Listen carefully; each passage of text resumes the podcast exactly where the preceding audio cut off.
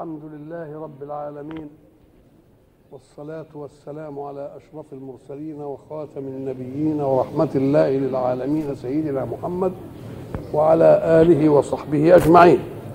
وبعد فقد وقفنا في اللقاء السابق عند قول الله سبحانه هذان خصمان اختصموا في ربهم فالذين كفروا قطعت لهم ثياب من نار.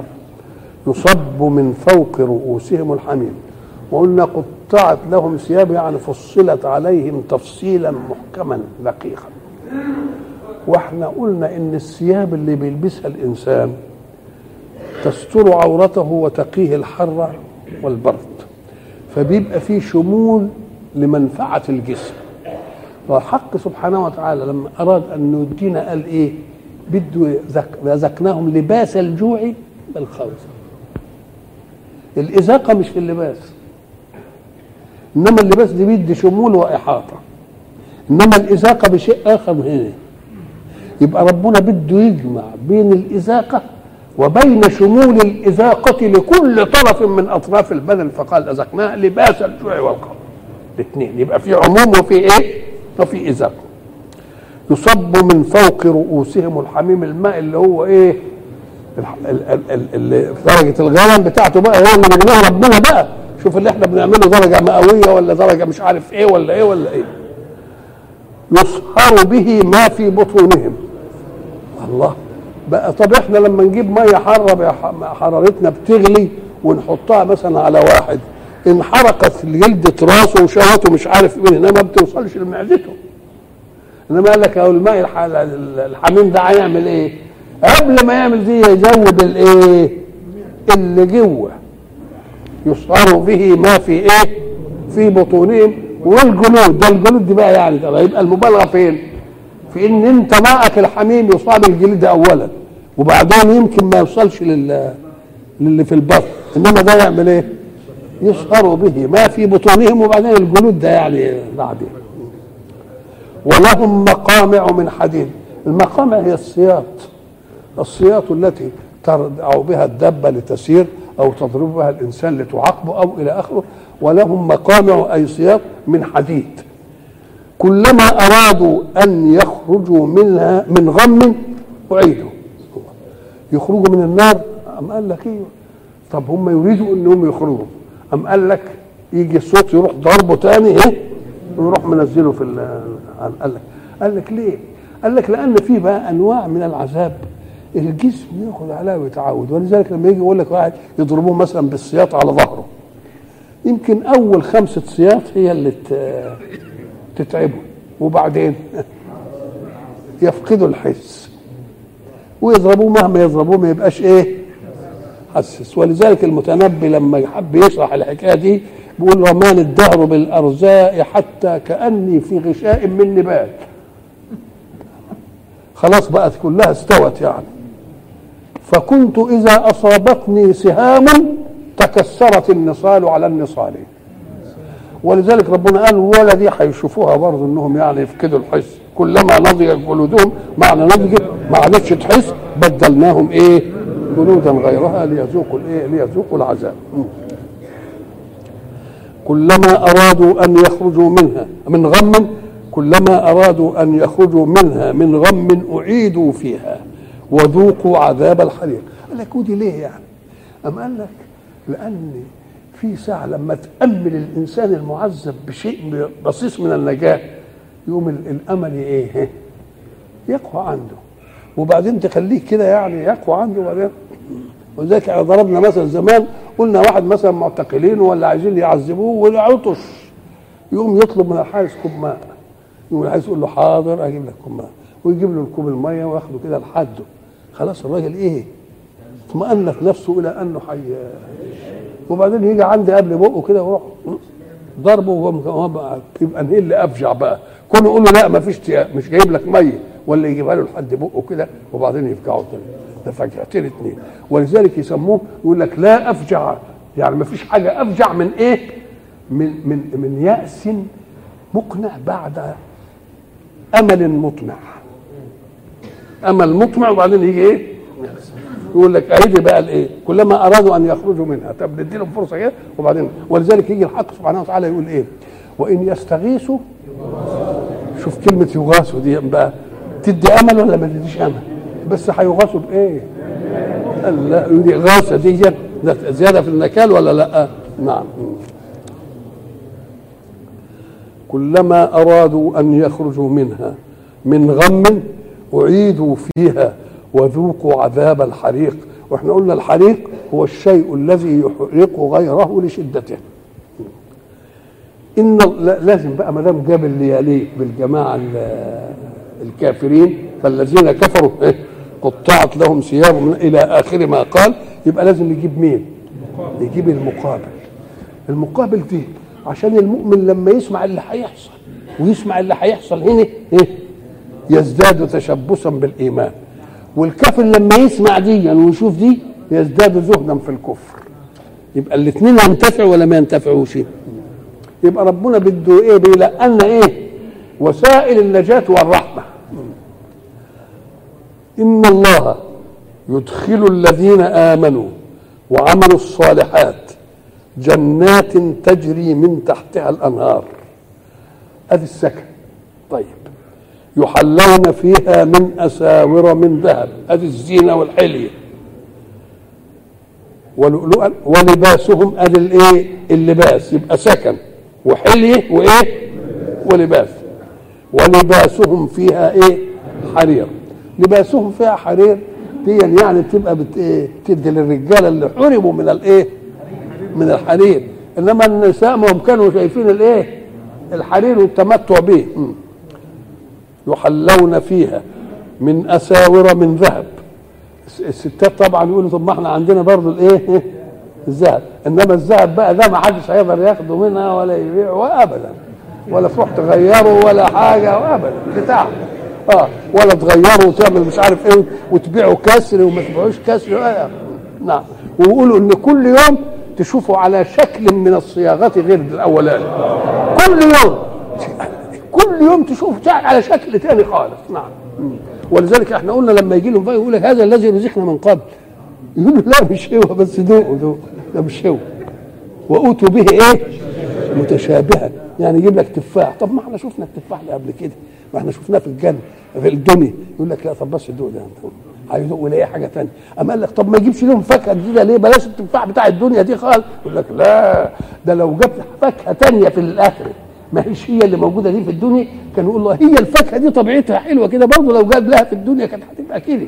يقول له لا إيه آه نعم. وأوتوا به متشابها. ولؤلؤا ولباسهم فيها حرير. وهدوا إلى الطيب من القول. هدوا برضو الذي دلهم على وسيلة إسكان الجنة. والنعمة اللي هي فيها من الزينه ولبس الحرير وبتاع دي برضه يهديهم إلى حاجة ثانية يهديهم لإيه؟ هداهم في الدلالة الأولى عشان يجوا هنا. وهم في دي برضه يهديهم إلى حاجة ثانية يهديهم إلى إيه؟ يهديهم إلى إنهم بقى يعرفوا قدر النعمة. الحمد لله الذي صدقنا وعده. مش كده؟ الحمد لله الذي أحلنا دار المقامة. الحمد لله الذي أذهب عنا الإيه؟ أذهب أن أذهب عنا الحسن كل بقى ولذلك هناك بيقول لك إيه وسلام أيام هناك وآخر دعواهم ما يجدوش بقى في متعه يقول لك الحمد لله. يعني النعمة بقى إيه؟ نعم. وهدوا أي هداهم الحق إلى الطيب من القول. قالوا الطيب من القول إيه؟ قال لك طيب قال كلمة التوحيد. يقولوا هي لا إله إلا الله دي المعشوقة اللي جابتنا هنا دي. هي دي لا إله إلا الله. نعم. ومثل كلمة طيبة كشجرة إيه؟ طيبة. وهدوا إلى الطيب من القول وهدوا إلى صراط الحميد. صراط الحميد إلى إيه؟ إلى الجنة. مش هناك في الآية الثانية بتاع الكفار يقول لا يهديهم طريقا إلا إيه؟ طريق جهنم هدوا إلى الصراط إيه؟ طيب.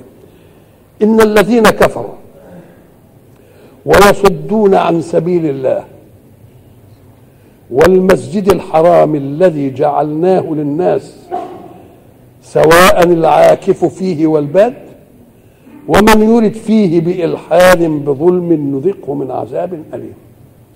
ده موضوع تاني خالص. من الذين كفروا ويصدون عن سبيل الله. كان يعني القياس كده عندنا في اللغة يقول لك الذين كفروا وصدوا عن سبيل الله. قال لك ده هي مش جمعية أصل الصد عن السبيل ناشئ عن الكفر. يبقى كفروا مبتدأ ويعملوا إيه؟ عمل بقى نتيجة الكفر إيه؟ ويصدون عن سبيل الإيه؟ عن سبيل الله يصدون عن سبيل الله الجهاد والمسجد الحرام. يمنعوا الناس على إنهم إيه؟ لأن ده اللي حصل. كانوا مالكين إيه؟ لما جم في الحديبية الرسول صلى الله عليه وسلم اشتاق صحابته إلى أن يعتمروا وإنهم يطوفوا بالبيت ومش بقى لهم مدة بعيد عن فلما حصل وراحوا على الحديبية منعوهم ولا ما منعوهمش؟ منعوهم إن الذين كفروا ويصدون عن سبيل الله والمسجد الحرام الذي جعلناه للناس سواء العاكف فيه والباد المسجد الحرام كلمة حرام يعني يستفاد منها أنه شيء محرم محرم على إيه؟ محرم إنك تعمل فيه أي حاجة أو تهينه بأي حاجة لأن الحرام دي وصف بها أشياء خمسة يقول لك إيه؟ ال- البيت الحرام اللي هي الايه؟ الكعبة. المسجد الحرام. المشعر الحرام. طيب في كمان حاجة اسمها حرام تانية. الشهر الإيه؟ الشهر الحرام. يبقى دي أشياء نص الله عليها أنها إيه؟ لا حرام لها حرمتها. فيجب أن من يتصل بها يعطيها هذه الإيه؟ هذه مش ككل البقاع. وإحنا قلنا بقى إن في دواير. والبلد البلد الحرام. ما إحنا قلناش ماشي هم خمسة. آه. يبقى اذا تعالى بقى كده. تجد المركز البيت. البيت الحرام. وبعدين المسجد إيه؟ الحرام. وبعدين المسجد في مكة. تبقى بلد إيه؟ حرام. وفي حتة بقى اللي حرام المشعر الإيه؟ الحرام. ده كلها في الأماكن. وواحد في الزمن ويسألونك عن الشهر الحرام قتال فيه كل قتال يبقى ربنا عمل حاجات حرام في الزمان وفي الإيه؟ في المكان. إيه عشان إيه؟ قال لك الحق سبحانه وتعالى يريد أن يجعل فرصة لستر كبرياء النفوس وغرورها. يعني اللي بيحارب بيبقى عنده سعار الحرب. هو وخصمه الاثنين بدهم ياكلوا بعض. ويمكن يقعدوا مستمرين في الحرب وهم كارهين لها. إنما كبريائهم أمام بعض مش مش مخليهم يعني يرتاحوا. لأن يقول لك ده انسحب مني ده لو فضل وياك كنت مثلا قطعته فربنا يعمل إيه؟ ما هو رب رحيم بالكل. يقول أنا أعمل لكم ستار أستر فيه كبرياءكم وغروركم. كل حدث يحتاج لزمان ولإيه؟ ولمكان. هجعل في الزمن اللي هو عنصر الحدث شهور أحرم فيها القتال. عشان لما تستعر الحروب بين بعض وبعدين يجي مثلا الشهر نقول بس ما فيش فيه قتال. الضعيف يعمل إيه؟ يتدارى فيه. يقول آه لو ما كانش الشهر الحرام جه. إنما أنا كنت قطعته. إنما هو كان بيتعجل إن الشهر الحرام ده يجي. يبقى ربنا رحمنا وعمل إيه؟ عمل لنا ستار في الزمان يستر به كبرياء البشر. واللي عايز يداري يدارى فيه. إحنا قلنا زمان حكاية مودياني فين؟ يا ام هاشم. هي دي. الراجل زعلان من مراته. وعزز عليه نفسه إن هو يبدأها بالكلام. وهي عزز عليها نفسها تبدأه بالإيه؟ الكلام. وقاعدين بقى يغلي ده بيغلي وده بيغلي الكبرياء كل واحد بقى عايز. وبعدين هي سافته قاعد في الأوضة وساكك على نفس الغرفه فقالت والله لازم أذهب وأرى ماذا يصنع. قعدت تبص وتتصور كده لقيته عمال يدعي ربنا. يقول يا رب تيجي المرة تصلحني.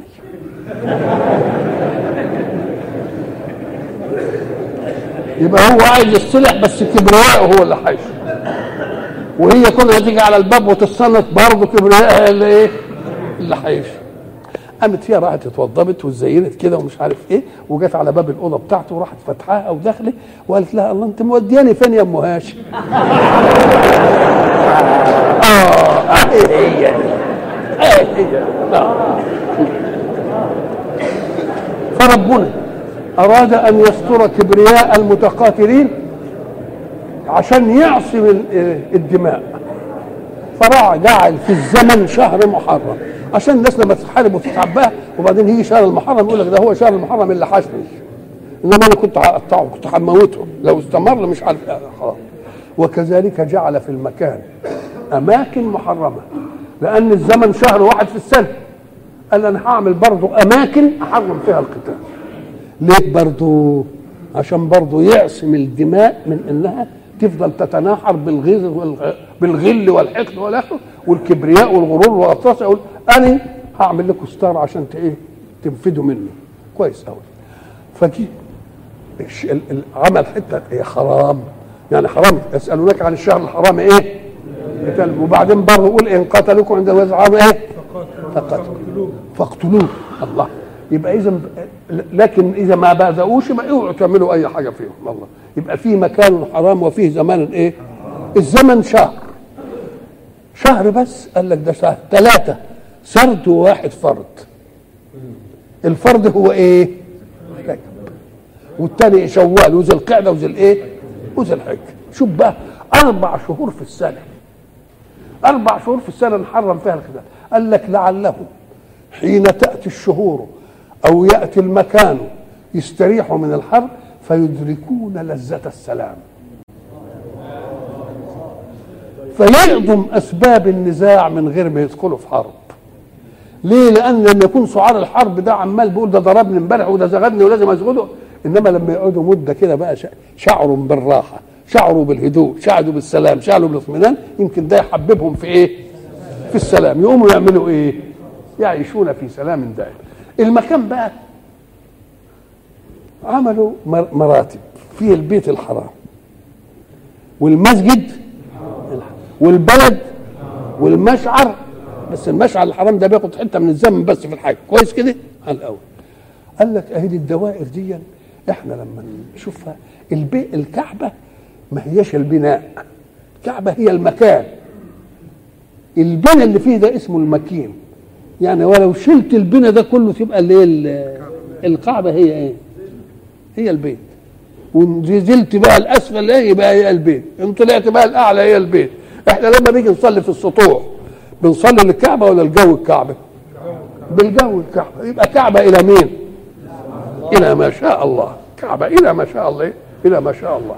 وبعدين المسجد إحنا قلنا المسجد قطعة من الأرض حكرت على المسجدية. لكن في مسجد بالمكان اللي تعمل له جدران زي ده كده. بقى ده الإيه؟ هو ده اللي ياخد أوصاف المسجد كلها. لكن إذا كنا هنصلي ويضيق المسجد بالناس وبعدين الناس يصلوا قدام الباب وناس يصلوا في الشارع أم قال لك فيه مسجد بالمكين؟ يبقى يبقى المسجدية متقبلش قال ولو امتد إلى صنعاء. يبقى برضه مسجد. يبقى إيه؟ يبقى اسمه إيه؟ مسجد. ويصدون عن سبيل الله والمسجد الحرام. هم لما حبوا يتشوقوا الشوق للعمرة وراحوا الكفار قالوا لا ما يدخلوش. والرسول صلى الله عليه وسلم قبل إن هو يتفاوض معاهم ويدي لهم الشروط بتاعتهم وإحنا عارفين القصة إن أبو بكر وعمر وكلهم قالوا لما نقبل الدنية في ديننا؟ بقى لما يجي واحد مسلم نرده لهم وهو لما يجي واحد لما يجي واحد كافر نرده ولما يروح لهم واحد مسلم ما يردوش.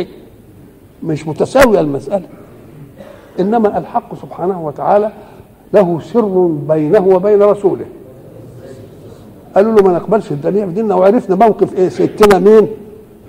أم سلمة رضوان الله عليها علشان نثبت إن المرأة قد يكون لها رأي يعني يرجع الرجال إلى شيء من الرشد ومن الصواب مش معنى إنها يعني ناقصات مش عارف لا قد يكون لها رأي والرأي فعلا. لما ذهب رسول الله إلى فسطاطه مغضبا. فقال يا أم سلمة هلك المسلمون أمرتهم فلم يمتثلوا. فماذا قالت له؟ قالت له إيه؟ قالت له يا رسول الله إنهم مكروبون. أصبحوا على مرء من المسجد الحرام ويمنعوا منه. شيء يغيظ يعني. ولكن اذهب إلى ما أمرك به رب فافعل. فإذا رأي رأوك فعلته علموا أن الأمر عزيمة. يعني ما فيش فيه إيه؟ رجوع ولا فيش فيه رجعة. وقد كان وانتهت. لكن الحق سبحانه وتعالى قبل أن يذهبوا إلى المدينة بين لهم السبب. أنا ما خليتش الرسول يقبل الشروط بتاعتهم وإن كانت شروط مجحفة إلا لأمر. اولا لم يكونوا يعترفون برسول الله صلى الله عليه وسلم. فهذه البيعة اللي هي الحديبية. دي ابتدأوا يعتبروه واحد يعاهد. يعني ياخدوا منه ويدوا له بقى إيه؟ بقى مساوي أهو.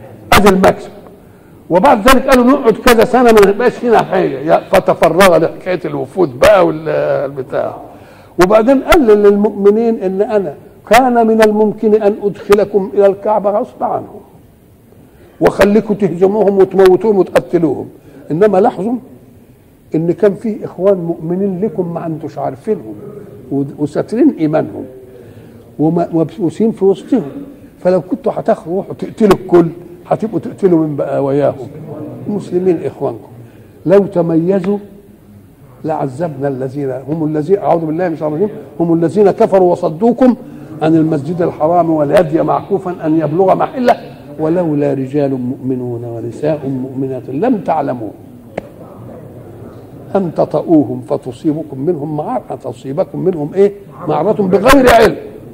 لو تزينوا يعني لو كانوا متميزين دي الحتة بتاع المسلمين لعذبنا الذين كفروا منهم إيه؟ عذابا إيه؟ أليما. ويصدون عن سبيل الله والمسجد الحرام الذي جعلناه للناس. مسجد حرام جعلناه للناس جميعا سواء العاكف فيه والباد. العاكف فيه يعني المقيم والباد يعني اللي جاي من بره يعمل عمرة ولا يعمل أي حاجة. هم سواء سواء الاثنين. ولذلك بنقول ان ان ان, في ناس يكونوا من قاعدين هناك ويقعدوا يحجزوا أماكنهم بسجادة بتاع مش عارف إيه. يقول له لا هو سواء العاكف فيه والباد المكان فيه لمن سبق. مش واحد يحط له سجادة كده يعني حافظه حافظه مكانه لا. المكان فيه لمن إيه؟ حتى قالوا سواء العاكف فيه والايه والباد قالوا إن بيوت مكة ما تؤجرش. ممنوع أن تكره. اللي يقعد فيها يقعد. اللي يقعد فيه يقعد. نقوم نقول له يا شيخ خلي بالك. البيوت مكان ومكين المكان كان حر يعني اي أي واحد كان يبني يبني. إنما ما دام بني بقى فيه مكين بقى فيه إيه؟ ولذلك دي حصلت. المناظرة بين الحنظلي في مكة وبين سيدنا الإمام الشافعي. الحنظلي يقول إن ما يصحش تأجير البيوت في مكة لأن الله يقول فيها سواء العاكف فيه المقيم واللي جاي من بره. فسيدنا الإمام الشافعي رضي الله عنه قال له لو كان الأمر كذلك لما قال الله في المهاجرين الذين أخرجوا من ديارهم فنسب الديار إليهم. ولم يقل الرسول صلى الله عليه وسلم لما قالوا ننزل فين وننزل فين قالوا ننزل في البيت اللي كنتوا فيه. فقال وهل ترك لنا عقيل من دار أو من ربع؟ يعني باعهم خلانا في الهجرة. وإيه باع الايه باع البيوت بيقول قوله وهل ترك لنا عقيل من ربع أو من دار؟ يبقى معناه إنها كانت بتاعتهم. وباعها يبقى ما دام يبيع وبتاعتهم تبقى إيه؟ يبقى المسألة مش إيه؟ سواء العاكف فيه والبال مش هي دي. فاستد الحنظلي إلى ما قاله مين؟ الإمام الإيه؟ الشافعي. نعم. الذي جعلناه للناس سواء العاكف فيه والإيه؟ والباد طيب وهنا ما دخلش الكلام في المكة كلها. الكلام على المسجد. جعلناه لل... الكلام على المسجد يعني ما كانش حقيقه الخلاف يوصل لإيه؟ للحكاية دي. الذي جعلناه للناس سواء العاكف فيه والباد ومن يرد فيه بإلحاد بظلم نزقه من عذاب أليم. قال إن كان الناس لها ظلم أو لها ميل الإلحاد هو الميل عن طريق الحق. مش الإلحاد يعني الحق الأعلى اللي هو الإلحاد في الله. ولكن إذا مال عن أي هيبقى اسمه إيه؟ ألحد من يرد فيه بإلحاد بظلم جاب مع الإلحاد إيه؟ الظلم. والظلم ده قد يكون في شيء لا يصل إلى درجة الكفر. أم قال لك إيوه.